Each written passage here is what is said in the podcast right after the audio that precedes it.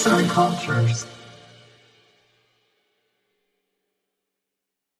Baba Dol deneyi. Şiddet doğuştan mı gelmektedir yoksa sonradan mı öğrenilir?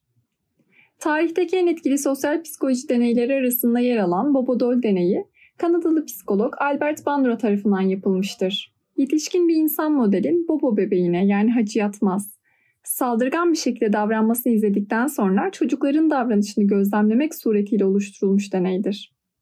Deneyin farklı varyasyonları vardır. İnsan modelinin ödüllendirildiğini, cezalandırıldığını veya bu bebeğini fiziksel olarak taciz etmenin bir sonucu olmadığını gördükten sonra çocukların davranışlarını ölçen deney en etkili varyasyon olmuştur. Öğrenmenin temelini gözlem, taklit ve biçimlendirmenin oluşturduğunu savunan Bandura, sosyal öğrenme kuramını oluşturmuştur. Bu kuram insanların sadece ödüllendirildiği ya da cezalandırıldığı zaman öğrenmediği, aynı zamanda başkalarının ödüllendirildiğini veya cezalandırıldığını izleyerek de öğrenebileceğini göstermeye amaçlamaktadır. Bobadol deneyi, Bandura'nın sosyal öğrenme kuramını test etmek için kullandığı ampirik yöntemlerden biri olmuştur.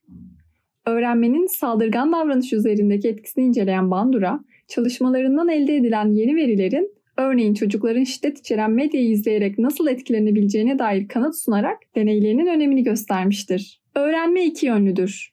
Biz çevreden öğreniriz ve çevrede bizim eylemlerimiz sayesinde kendisini değiştirir. Albert Bandura Deneyin örneklemi Baba Dol deneyinin katılımcıları yaşları 37 ile 69 aylık arasında değişen 36 kız ve 36 erkekten oluşan çocuk grubudur.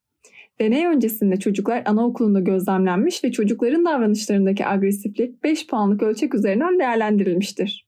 Puanlayıcılar arası güvenilirliği sağlayabilmek adına iki farklı gözlemci birbirinden bağımsız olarak puanlama yapmıştır.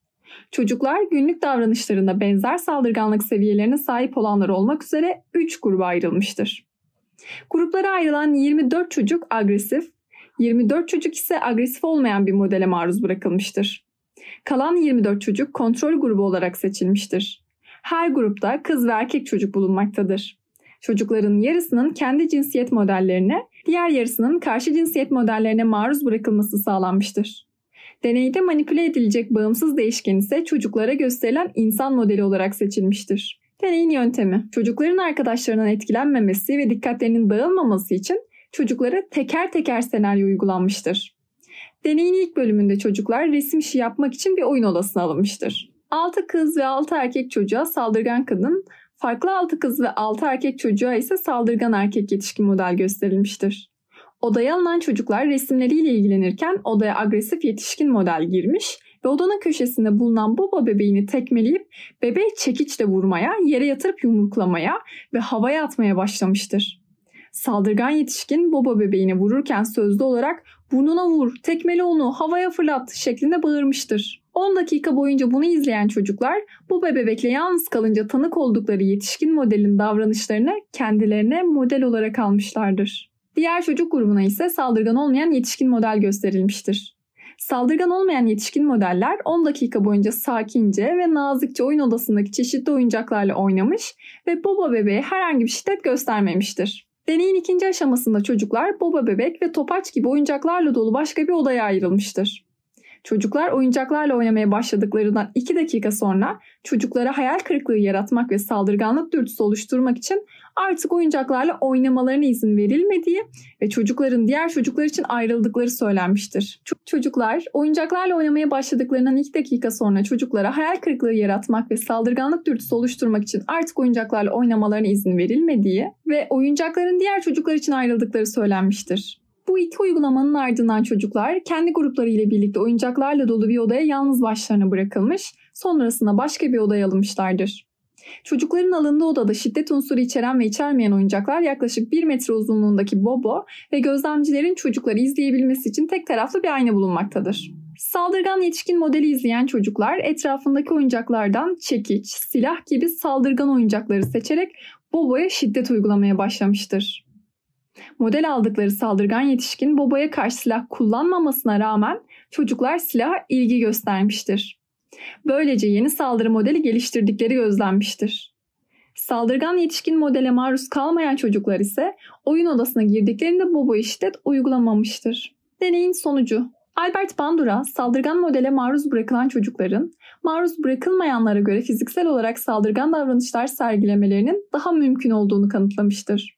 İlk grupta agresif modeli gözlemleyen çocuklar kızgınlıklarını taklitçi tepkilerle ortaya koymuş ve yetişkin modelin Bobo'ya yaptığı hareketleri yeniden sergilemişlerdir. Cinsiyet farklılıklarına ilişkin çıkan sonuçlar Bandura'nın çocukların aynı cinsiyet modellerinden daha fazla etkilendiği yönündeki tahminini güçlü bir şekilde desteklemiştir. Agresif model izletilen kız çocukları yetişkin model erkek olduğunda öfkelerini daha çok fiziksel yolla gösterirken modelin kadın olması durumunda öfkelerini daha çok sözel olarak ifade etmiştir. Sonuçlar erkeklerin saldırgan erkek modellerine maruz kaldığında saldırgan kadın modellerine maruz kalmalarına göre daha fazla saldırganlık sergilediğini göstermiştir. Kız çocuklarında aynı cins modeli taklit etme erkek çocukları kadar güçlü olmamıştır. Erkekler fiziksel öfkeyi kızlardan daha fazla taklit etmiştir. Ayrıca Bandura, saldırgan modele maruz kalan çocukların saldırgan modele maruz kalmayanlara göre sözlü olarak daha agresif davranma olasılıklarının yüksek olduğunu kanıtlamıştır. Deney sonucunda ortaya çıkan bulgular Bandura'nın sosyal öğrenme kuramını destekler niteliktedir. Yazan Canan Önerli Seslendiren Esra Yılmaz